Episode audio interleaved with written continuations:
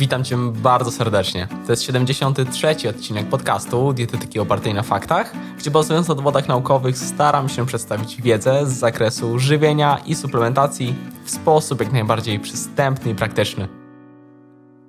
W ostatnich dekadach kuchenki mikrofalowe stały się bardzo powszechnym sprzętem kuchennym, który w wielu sytuacjach zwyczajnie ułatwia nam życie. Z uwagi jednak na swój nieoczywisty sposób działania, narosło wokół nich sporo fałszywych przekonań na temat ich rzekomej rakotwórczości czy pozbawiania żywności składników odżywczych. Dlatego w dzisiejszym odcinku krótko i konkretnie, jak jest z nimi naprawdę, zapraszam do materiału.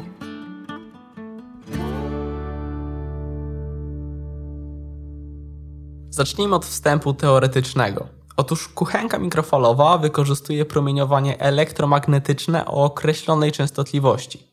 Ale co to znaczy?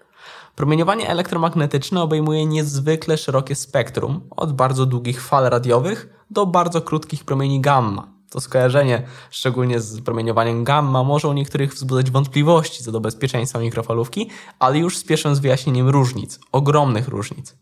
Biorąc pod uwagę to szerokie spektrum fal elektromagnetycznych, przykładowo nasze oko może wykryć tylko niewielką jego część, zwaną światłem widzialnym. Tymczasem chociażby radio wykrywa inną część tego widma, a aparat rentgenowski jeszcze inną część i to z zupełnie drugiej strony zresztą. Dobrze to rozumieć i uważam, że lepiej niż słowa ukazują to świetne grafiki dostępne w internecie. Po wpisaniu w wyszukiwarce promieniowanie elektromagnetyczne zobaczymy naprawdę przystępne wizualizacje tego spektrum. Więc dla osób, które nie do końca wiedzą o co chodzi, warto zerknąć na właśnie to widmo fal elektromagnetycznych. Niemniej wracając, mikrofale emitują promieniowanie niejonizujące o częstotliwości znacznie, ale to znacznie mniejszej niż światło widzialne, a co dopiero promieniowanie jonizujące. Podobnie energia fotonów mikrofalowych jest nam dobrze znana i zwyczajnie bardzo, bardzo mała, zdecydowanie za mała, by jak to niektórzy sugerują, oderwać elektron od atomu i uszkodzić cząsteczkę. Zresztą konstrukcja mikrofalówki praktycznie nie pozwala, by promieniowanie wyszło poza nią, a nawet jeżeli, to tak małe dawki promieniowania nie mają potencjału do wywołania szkodliwego wpływu na zdrowie.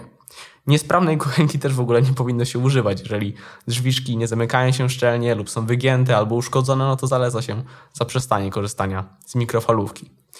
No dobra, i teraz jak to działa? Mikrofale powodują wibrację cząsteczek wody w żywności, wytwarzając ciepło. Można sobie to wyobrazić na przykład jako szybkie pocieranie rąk. W konsekwencji tarcia wydzielane jest ciepło. I tutaj jest podobnie.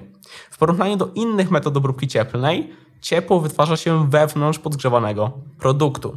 Nie jest jednak tak, że kuchenki mikrofalowe podgrzewają od środka. To zewnętrzne warstwy się ogrzewają i przewodzą ciepło do wewnątrz. Warto wiedzieć, że żywność podgrzewana w kuchence mikrofalowej może mieć nierównomierny rozkład temperatury produkt lub jego część o najwyższej zawartości wody nagrzewa się szybciej, dlatego wiele modeli mikrofalówek jest wyposażonych w obrotową tacę, aby podgrzewać bardziej równomiernie. No dobrze, mam nadzieję, że ten wstęp pozwolił zrozumieć, że to całkiem sensowne i Spencer, czyli wynalazca kuchenki mikrofalowej, choć przypadkiem to stworzył coś naprawdę użytecznego, z czego korzysta znaczna część populacji.